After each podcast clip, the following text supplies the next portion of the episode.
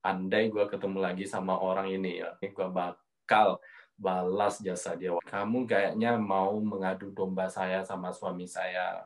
Dia ngasih uang, dilempar aja 20 ribu. Hai, Assalamualaikum teman-teman semuanya. Balik lagi bareng saya Nelma Daan dalam Dia Indonesia. Menghadirkan cerita inspiratif dari orang-orang Indonesia hebat di seluruh dunia. Kali ini aku mau ngobrol lagi sama narasumberku yang punya pengalaman hidup yang inspiratif banget. Beliau sebelumnya sudah ada di vlogku. Langsung aja kita sapa Satria Ponde.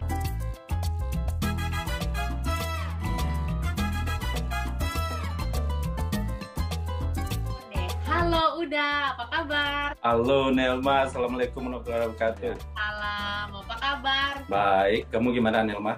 Alhamdulillah baik. Emang channel Nelma aku tonton, banyak sekali orang-orang yang bikin aku termotivasi juga, you know.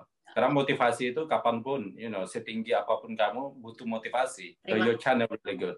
Aduh, like terima kasih banyak. Jadi di video sebelumnya teman-teman, aku pernah ngobrol juga sama Uda Satria mengenai pengalaman hidupnya. Dan kali ini aku mau dengerin cerita yang belum pernah diungkap. Ceritain dong, waktu dari Padang itu kamu ke Jakarta, kamu sempet melakukan sesuatu hal yang cukup pahit sebenarnya boleh dibilang gitu ya. Well, kind of, ya, semacam itulah. Nggak Gimana terlalu pahit sih, nggak juga. Cuman uh, bagian dari hidup aku lah ya. Tamat sekolah, kan teman-temanku semuanya daftar uh, universitas ya kan, masuk kuliah. Kan sibuk, ada yang bimbel, ada dia aku kan dari background yang yang beda, you know, financial. Kalau netap di Padang, kamu sendiri tahu kerja di Padang gimana. Buset, ya nggak mungkin lah. Lebih baik merantau, uh, tinggalkan kampung dan mencoba hidup baru dan tidak uh, berada di keliling-keliling orang yang mungkin kita, saya akan jealous, Hmm. akan merasa oh orang orang-orang kuliah tapi aku kok enggak. Nah, itulah ketemu sama kakak di Tangerang, tinggal sama dia, terus bantu dia kerja. Jadi kakakku kan jual uh, pakaian, dibeli dari Tanah Abang, kemudian itu dijual di Tangerang di toko di Pasar Kemis kalau nggak salah. Jadi di sana itu aku yang nungguin, kemudian juga bawa dagangan itu di pasar-pasar di pelosok-pelosok uh, pabrik. Nah, untuk bawa barang itu kan harus nyetir. Tapi kakakku ada mobil, mobil pickup itu loh. Jadi aku diajarin. Itu dalam satu hari, cuma satu hari ngajar mobil, besoknya disuruh bawa sendiri. You know, waktu itu kan 18 tahun, jadi ya nggak takut. Tapi waktu itu malah senang ya kan, Uh, mau bawa mobil sendiri nyampe di uh, pabrik yang rame Tangerang itu kan kayak adiknya Jakarta Pusat ya kan, rame banget. Bawa barang sendiri, parking sendiri, bangun jam 4 pagi, jemput mobil ke perumahan, uh, jalan kaki sekitar 5 kiloan lebih lah pokoknya. Pokoknya dalam satu jam jalan dari kedai kakakku itu ke rumahnya dia. Uh, sendiri aja, nggak nggak ada teman. Jadi berusaha untuk komunikasi dengan orang-orang yang baru, tapi banyak orang Padang juga karena orang Padang kan suka banget uh, berdagang ya kan. Tapi karena apa ya? Karena aku tuh lumayan riang, nggak ada beban rasanya, pengen aja gitu ya kan. Uh, Alhamdulillah banyak yang laku. Jadi kakakku itu memperluas uh, jangkauan daganganku ini loh. Ah. Jadi dia ngasih barang lagi, tapi jualannya di luar Tangerang, pergi ke Serang, buset, gua nggak kebayang di sekarang ke daerah-daerah yang aku nggak pernah nggak pernah kunjungi ya kan. Hmm. Uh, itu umur 18 tahun ke Tanah Abang pergi sendiri, beli barang juga, bawa pulang sendiri, naik angkot yang yang teriak-teriak gitulah ya kan. Uh, kita harus kejar uh, bukan angkot lah ya, apa namanya itu? Pokoknya bus itulah yang dari Tangerang ke Jakarta gitu. Turun di Selipi, nah kalau kamu nggak ngeloncat naik ke sana, kamu nggak bakal naik. Karena kalau Ingin berhenti, bawa bawa itu tenteng sendiri loh, pakai karung loh Nel, tinggi gitu kan. Uh, pokoknya banyak nawar sendiri. Gua nggak ada uh, skill di di bidang itu, di bidang perjualan ini. Pokoknya terjun aja lah. Yang penting pasti ada solusinya. Habis itu jual sendiri. Yang jelas kakakku cuma ngasih modal aja. tapi modal dan keuntungan aku nggak ada. Oh god. Jadi walaupun terjual banyak, sebanyak apa pun, yang aku nggak ada dapat gaji. Paling dikasih apa ya, beli mie rebus, itu udah wow gitu. Oh god. It's hard to, to say. Tidur di lantai toko itu di bawah baju. Baju itu kan di gantungan ya. Nah di bawah itulah aku tidur. Uh, buset. Tapi masa muda lah ya. Ya biasa aja sih sebenarnya. Cuma pakai tikar aja gitu. Walaupun kerja kaki lima aku tetap daftar-daftar gitu. Kalau ada waktu daftar ke PT-PT kayak Gajah Tunggal. Karena di di iklannya Gajah Tunggal itu dibilang kalau karyawan yang berprestasi itu akan dikirimkan sekolah training di luar negeri di Eropa. Ada tes-tes sudah lulus sekali dua kali pas tiga kali itu adalah uh, dapat isu kalau yang akan lulus itu orang-orang yang dikenal orang dalam di pabrik. Di tahap itu aku gugur ya udah fokus dagang aja dulu ya kan ada suatu saat yang paling aku nggak lupain itu pergi ke uh, Pandeglang itu lumayan jauh dari Tangerang. Ya, nah, jauh banget itu. Jadi barangku ditumpangin ke tempat si abang itu. Cuman mobilnya juga pickup. Jadi barang semua itu tinggi dari mobil loh. Lo tau nggak gue di mana uh, ininya posisinya? Di atas. Di atas barang. Gua di gua di sebelahnya itu loh, di sebelah barang yang kayak gini menunjang. Gua di sebelahnya sini berdiri. Ya, dari Tenggerang sampai ke Pandeglang. Bayangin kalau gua ngantuk atau keceboblosan dikit, hmm. plang jatuh itu. Hmm. Tapi Allah maha ini ya maha pelindung sampai malam di sana nggak tahu daerah segala macam ya carilah uh, tempat gede di mana mau ditaruh ini uh, tiang kaki lima ini. Kita harus pajang barang dulu pas baru nyampe. Kalau pagi orang udah rame kita bangun nggak sempat ya kan kapan lagi jualannya. Uh, tidur udah jam 12 malam gua tidur di atas rumput. Sampai pagi gua tidur barang dipajang di bawahnya itu kan cuman rumput. Nah di sana aja gua tidur. Oh. itu nggak akan pernah terlupakan seumur hidup itu. Nah, kamu berapa bersaudara Satria? Aku enam sa enam bersaudara, si ayah, seibu, dan satu seibu. Hmm, jadi sebenarnya kakak kamu nih udah duluan perantau ke Jakarta, kemudian kakak punya usaha, dan kamu uh, ikutlah ke Jakarta gitu ya, demi untuk sebenarnya ya. mewujudkan cita-cita kamu untuk luar negeri. Gitu. Beliau udah bertahun-tahun di Jakarta, mm-hmm. udah punya rumah juga ya kan. Kamu udah bantuin dia gitu. Kamu memang sebelumnya nggak tahu kalau kakak kamu kamu bakalan kasih kamu misalnya upahnya nggak pernah sama sekali. Yang aku tahu itu ya kita sama kakak pastilah kakakku pengen yang terbaik buat aku ya kan. Karena iparku itu dulunya baik sekali sama aku waktu uh, aku masih sekolah dia seperti mendapatkan adik gitu ya hmm. adik cowok karena dia nggak punya so, adik cowok jadi dia senang banget ke mana-mana pasti bawa aku jadi aku pun nyampe di Jakarta senang banget ketemu dia gitu kan jadi ngerasa kakak tapi karena amak di kampung hmm. memfasilitasi uh, mereka karena amak juga nggak mau mereka terbebani dengan adanya aku di di Jakarta. Jadi amak jual gelang emas buat uh, bantu mereka beli mobil yang aku bilang tadi itu. Cuman karena kebanyakan orang kita itu kalau udah naik level, maksudnya sedikit aja lebih maju, dulunya cuman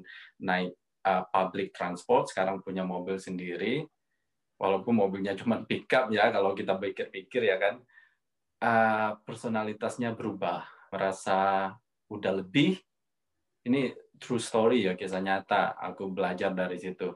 Yang merasa lebih dan attitude-nya berubah. Aku nggak tahu orangnya ini aslinya yang mana, aslinya yang sekarang yang agak sombong, yang atau karena dulu itu karena mereka nggak ada makanya mereka baik, jadi confused juga bagi aku. Sempat aku untuk uh, minta uang pendaftaran itu uh, pendaftaran ke pabrik-pabrik ya untuk uh, jadi karyawan gitu ya kan. Dia ngasih uang dilempar aja 20 ribu. Nggak bakal lupa itu. Terakhir uh, di sana itu pas ada apa namanya itu satu pertandingan bola karena dia kakak iparku ini udah populer lah ya dari uh, komunitasnya dia karena dia yang pakai mobil.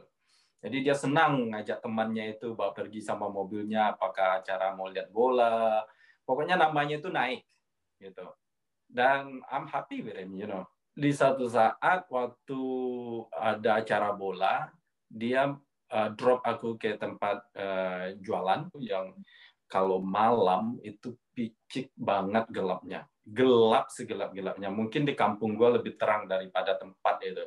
Walaupun tempatnya di Tangerang pasti yang nonton kalau dari Tangerang ngerti itu. Gue di sana jam 4 udah mulai diantarin pajang ya kayak hari-hari biasa, tapi udah mau maghrib eh, orang-orang udah mulai pulang ya kan. Menunggu-nunggu semuanya udah. Yang lain-lain mau bantu ngikut sama mereka tapi mereka punya barang sendiri ya kan jadi nggak muat barang gue kan banyak juga. Dan jemputan nggak datang-datang. Nggak datang-datang gue sendiri aja di sana. Nggak nggak tahu gimana ini nasi gue mau ditinggalin. Barang sayangnya kan nanti dicolong. Ya terpaksa lah duduk di sana lapar minta ampun. Nggak pegang uang sedikit pun? Nggak ada. Ya uang jualan ada hmm. tapi aku di ini di pertengahan uh, lapangan gitu loh oh. kalau mau ke mana ya kan hmm, hmm, hmm. biasanya kan uh, karena jemput karena dijemput kan biasanya pas nyampe di uh, tempat rumah di toko itu kan langsung makan ada nasi sekalian ya kan tapi hari itu nggak dijemput ya gue nggak prepare dijemput sampai jam 8 baru nyam baru datanglah mobil ya, nah di situ pertama kali aku itu komplain komplain hmm. dalam arti kata menjelaskan hmm. jangan sampai kayak ini lagi gitu ya kan bilang ke kakakku Hmm. Nah kakakku diam dan menerima uh, pengaduanku. Esok kan hari paginya dia datang marah-marah. Kamu kayaknya mau mengadu domba saya sama suami saya. Uh, gara-gara kamu di sini saya akan bertengkar sama suami saya. Nah, aku ngambil kata-kata gara-gara kamu ini. Jadi, oh berarti gua jadi masalah sebenarnya ya kan. Bagaimanapun uh, beliau kan kakak aku ya kan. Dan akhirnya ya udahlah pergi kamu dari sini katanya ke gue diusir? Ya. Gue nggak ada sal demi Allah bukan menutup-nutupi gue nggak ada salah sebenarnya. Gak ada mengajukan pembelaan gitu? Enggak kakakku udah jauh lebih tua dari aku Nel. Kayak awal umur 18 dia udah 40-an lah sekitar itu. Jadi aku ngerasa dia dia tuh juga guruku waktu kecil kan guru TK ya kan. Hmm. jadi aku ngerasa orang tua gitu ya kan. Dan gue nggak dikasih uang pergi diusir gitu aja. Gue mau ke mana itu nggak nggak ya rasanya nggak peduli ya. Jadi selama di sana itu alhamdulillah sih orang-orang sekitar toko itu kenal sama aku loh jadi kalau ada waktu luang itu pergi ke kos-kosannya si abang-abang si mbak-mbak sering main di sana, main gitar, dan mereka senang sama aku. Kadang ditawarin tidur di tempat mereka. Nah, ini yang orang yang berjasa aku rasa di saat itu. Walaupun bantuannya itu nggak nggak sepenuhnya, tapi memang ada bantuan dari orang ini yang ada dua abang kos mereka dekat-dekatan uh, orang Jawa. Lupa namanya Buset. Andai gue ketemu lagi sama orang ini ya gue bakal balas jasa dia. Aku mau jual gitar. Nah gitar ini pembelian dari kakak ipar gue ini yang aku bilang dulunya sayang sama gue hmm. mau jual gitar ini. Cuman itu aja yang ada yang aku punya. Gitar sama baju. Jadi uh, mau jual ke abang itu. Dia jawab bawa aja gitarmu kamu suka main gitar saya kasih aja uh, saya pinjamin katanya lima puluh ribu katanya.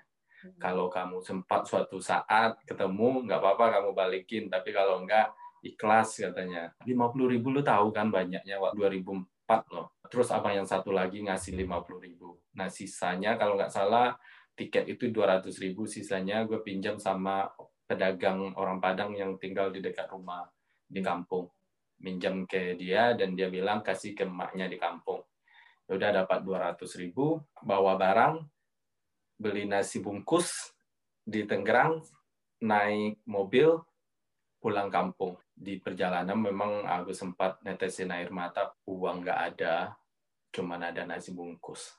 Ya Allah. Nasi bungkus itu gue makan setengah, nasi bungkusnya itu setengahnya lagi gue makan pas uh, udah di daratan di Jambi. Perjalanan sekitar 30 jam lebih lah dan keluarga semuanya shock. Mama gimana itu? Ama gue nangis. Kamu ceritain semuanya ke Ama? Aku nggak ceritain. Kakakku yang cewek lain uh, nelpon uh, ke kakakku yang di ini, hmm. yang di Jakarta. Aku sedikit pun nggak pernah mengadu, hmm. nggak hmm. pernah menceritakan sama sekali.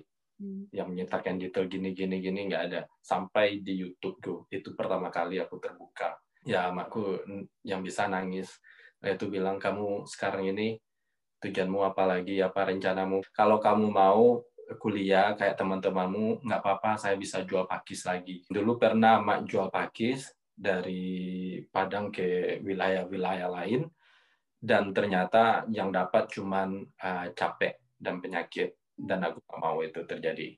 Dan aku bilang, ya udah aku ke Padang aja, kursus lah, yang hal-hal yang sedikit bermanfaat gitu khusus bahasa Jepang uang 500 ribu terus abakku harus kerja lagi bantu buat uh, bayar uang kos uang kos kan 75 ribu gue itu tinggal di Padang itu ngekos uh, masih ingat itu kamarnya satu meter kali satu setengah meter. Itu kerja juga nyampe di Padang kerja kursus bahasa Jepang uh, kerja sales, sales dan jual priuk kuali kayak gitu. Anci bilangnya ya Hmm. Jadi gue dulu pernah daftar lihat di koran kamu bisa bergaji 10 juta sebulan. Namanya gue masih umur 18 tahun ya kan mikir oh buset gue bakal kaya cepat ini. Tahu jangan daftar ditanya uh, lima soalnya itu interviewnya itu tahu nggak Pancasila katanya? Ya gue tahu lah gue oke okay, selamat. Anda lulus selamat bergabung dengan perusahaan kami katanya. Terus gue disuruh senam senam jaga fisik segala macam. Habis itu udah jam 11 tahu tahunya datang box ada panci segala macamnya kamu mau kan langsung kerja? Ya mau dong. Ya kata gue kan. Langsung diajak naik angkot tahu tahunya gue dibawa ke universitas di mana teman-teman gue kerja nenteng lah gue panci empat loh dua di sini di sini dua jualin ke Eh, kantor-kantor dosennya itu. Gue mikir, buset teman gue nanti lihat. Bukan apa ya, tapi di dalam jiwa mikir, oh, ya nggak apa-apa kalau memang karirnya bagus. Tapi udah seharian, udah haus, dibeliin mie rebus akhirnya kan. Pulang jam 5, tau taunya gue cuma dikasih uang 5 ribu. Itu cuma buat angkot angkut gue dari apa namanya itu dari kos ke tempat kerja dan pulang gitu aja hmm. ah ya udahlah gue besoknya gue nggak balik lagi sehari dong nggak balik lagi gue pada saat kejadian itu terus ketika kamu pulang kamu lihat sampai amak nangis kita tahu kamu uh, luar biasa sayang sekali sama amak gitu ya apa hmm. yang kamu pikirin kamu benci banget nggak sama kakak kamu tidak sama sekali malah nggak kepikiran sama sekali. Berarti journey aku di sana udah selesai. Aku tetap fokus dengan ah, melanjutkan kehidupan gue masih muda, ya kan? Aku ma masih ada di dalam benak ini pengen suatu hal yang besar, melakukan hal yang besar, ya tapi uh, belum tahu gimana mewujudkannya. Satria, kamu banyak cerita di video sebelumnya juga soal Ama yang perannya begitu luar biasa membentuk kamu gitu ya. Hmm. Aku boleh tanya peran ayah seperti apa? Abah itu lebih ke agama karena ajaran beliau lah dari kecil yang ngejar aku sampai terpunting-punting karena nggak mau sholat karena hmm. Bohong udah sholat udah gitu kan. Kapan lu sholatnya? Kamu semua ini anak-anak ini bakal jadi batu ini katanya. Nggak mau sholat katanya. Siapa nanti yang bakal menolong kamu? katanya. Kalau udah mati kalau bukan imanmu kerja ke sawah orang ya kan. Tapi secara batin eh, kita lebih eh, banyak interaksi sama ama hubungan sama kakak pertama kamu sekarang sama kakak ipar kamu gimana setelah kejadian itu? Kakakku cerai akhirnya. hmm. Uh, karena kakak iparku berselingkuh akhirnya balik kampung Oke. Nah, selama aku di Jerman karena ya beliau kakakku, jadi aku support. Bagaimanapun kakak kandung ya kan. Pada suatu saat dia meminta maaf apa yang uh, pernah dia lakukan sama aku. Dia memang mengakui kalau dia salah, dia nggak seharusnya begitu. Karena kejadian tersebut, aku menyadari bahwa, hai, yang bantu lu itu bukan keluarga lu, you know, bukan siapa-siapa. Bantu lu diri lu sama Allah itu aja. Orang tua mensupport, tapi kalau lu nggak bantu diri lu, nggak ada siapa-siapa pun. Kalau ya itulah, itulah yang menyadarkan gue. Seandainya gue suatu saat meleset, gue nggak yakin orang bakal bantu gue walaupun gue udah bantu orang makanya sampai sekarang gue harus safety kehidupan gue sampai um, ya insya Allah sampai tua ya kalau boleh jujur kalau boleh jujur bukan nyombong gue itu udah ada punya tabungan gue buat gue sendiri ya. Gue ada tabungan buat gue gue sendiri minimal sampai gue umur 70 tahun. Berarti rumah gue di sini atas nama gue hmm. tabungan gue lumayan. Hmm. YouTube pun makanya cuman you know lebih ke fun. Ya dapat uang juga buat tabungin. Gue orangnya gila nabung. Selalu deh gue kalau ngobrol sama lo at the end gue speechless gitu. Karena setelah kita melewati itu memang kita bisa melihat gitu ya oh ya ternyata kita bersyukur dikasih cobaan ini gitu. Tapi pada saat kita mengalami kejadian itu gue salut banget lo tuh bisa legowo aja nerimanya gitu loh tanpa harus membenci dan lo tetap fokus pada tujuan lo tuh apa gitu. Ya. Wah. fokus. Memang benar itu. Dan itu nggak gue buat mungkin yeah. itu adalah pemberian dari Allah. Kalau uh, pola pikir aku itu harus hey move on kayak gitu jadi nggak nggak balik ke belakang Nah, itu tadi yang pahit-pahitnya udah. Aku mau dengar ceritanya kamu sekarang nih udah sukses dengan YouTube kamu udah punya 80 ribu lebih subscriber ya dan itu waktunya satu tahun boleh dibilang? Yang aktif, kalau aktifnya belum sampai satu tahun sih. Mulai aktifnya semenjak bulan April. Aku tuh lihat sekarang kamu kan ada traveling, terus kamu bikin parodi itu yang kocak banget. Tapi aku mau bahas kenapa mengangkat isu-isu yang sensitif itu. Apa yang pengen kamu sampaikan dari video itu? Right. Oke, okay. itu berawal dari sebenarnya dari dulu sebenarnya aku pengen cerita tentang isu-isu seperti itu. Hidup di sini ya kan, hmm. semua kebudayaan, agama, uh, kebiasaan itu kan ber, banyak bertolak belakang dengan kebudayaan kita. Nah di sini kalau kita bicara itu uh, kita harus lihat-lihat orangnya juga ya kan. Uh, maksudnya apakah kita udah dekat dengan orang itu ya kan? Uh, jadi kita bisa bicara hal seperti itu dan untuk mencari uh, apa namanya itu informasi juga untuk lebih berkomunikasi dengan orang penonton aku yang tahu tentang agama dan ternyata mereka banyak yang tahu tentang agama. Daniel sama Sidel mereka punya mereka juga senang cerita tentang agama atau hal-hal yang sensitif. Kalau di Indonesia kebanyakan kita kan cerita sensitif, takut mereka tersinggung. Kalau di sini kan kalau kita udah berteman, kan kita belak belakan aja ya kan. Jadi nggak nggak begitu sensitif LGBT atau uh, agama atau politik. Lu bisa ngomong sama teman lu, dialog kita di sini kita lebih apa ya, lebih fokus ke topik tapi nggak menyinggung orang. Hmm. You know what I mean? Respect perbedaan itu. Dan aku juga mau memperlihatkan ke orang-orang Indonesia bahwa perbedaan itu antara kita tidak menghambat kita untuk berteman, bersilaturahmi dengan orang tersebut. So, uh, aku, Del, sama Daniel semuanya berbeda ya kan? Itu kita bisa berteman akrab. Dan intinya juga mau belajar. Seperti aku bilang banyak kan yang komen komennya bagus-bagus sekali.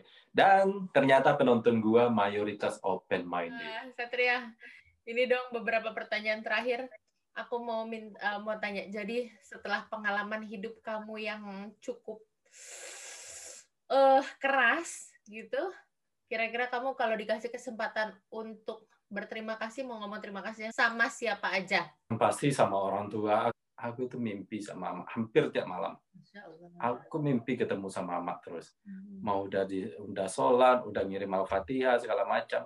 Karena kekuatan batin itu masih ada. Hmm. Jadi waktu kecil hmm. itu jual gorengan segala macam kakakku kan merengek-rengek nangis ini minta ini gue enggak nih gue senyum ketawa riang waktu kecil bantu ama itu mau ini mau ngerjain itu pokoknya riang aja. Kalau orang lain aku kan suka dengan cerita orang ya makanya suka channel kamu. Jadi ya kalau aku mau terima kasih paling sekarang ini setiap saat orang bilang itu paling dua cowok yang ada di Tenggerang itu. Kalau mereka sempat nonton channelku dan masih merecognize ku please hubungi gue gue pengen banget terima kasih tatap muka sama abang yang berdua itu. Terakhir dong, kasih pesan buat teman-teman yang lagi berjuang dan mereka punya mimpi besar untuk luar negeri, Satria. Yang jelas, be real. Be real. Jangan halu. Karena banyak kan yang mikir ke luar negeri, tapi gue nggak bisa bahasa Inggris, tapi gue begini, tapi gue begini. No excuse. Coba kalau melakukan sesuatu itu, jangan terlalu banyak alasan. Dan lakukan perubahan itu yang paling pasti. Gue pelajari persyaratan dulu. Apa sih persyaratan ke luar negeri? Ya tentu bahasa ya kan. Mana pun kita kalau udah nggak di NKRI pasti bahasa. Nah, persiapan itu dulu. Itu tiga tahun aja deh. Kan ada yang bilang, oh gue udah nyampe di sana nanti juga udah bisa. No, ini persyaratan untuk ke sana. Pelajari skillnya dulu. Nah tanya-tanya ke orang, emang apa sih peluangnya? Jangan mau ke luar negeri, ya usaha dari diri sendiri dan banyak belajar. Kesuksesan itu kan nggak harus di luar negeri kalau menurut Kesuksesan itu di saat kita sudah menyenangi apa yang kita lakukan. I think that you, you succeed dan sudah membahagiakan orang yang kamu cintai. Jadi menurut kamu kamu sudah sukses belum? Belum. Kalau di karir sih oke okay lah. Tapi kalau secara kehidupan belum sukses sih. Jadi plan kamu, kamu mau ngapain lagi nih? Kan waktu itu kamu ya bilang kamu udah cukup membahagiakan ama, sudah keluarga kamu support, terus mau ngapain lagi? YouTube kamu udah udah gede. Aku mau berbagi sama orang tuh dari hati paling dalam. Aku mau mendirikan foundation. Nggak tahu kenapa loh, Nel. Ini nggak tahu kenapa gue apa keserang malaikat apa atau gimana nggak tahu. Akhir-akhir bulan ini lah beberapa bulan ini kok gue mikir pengen banget deh gue ini berbagi, bikin foundation, bikin charity, bikin am, kegiatan amal member gue di di ini udah mulai uh, bertambah sekarang udah 18 orang itu don ya. donatur tetap ya.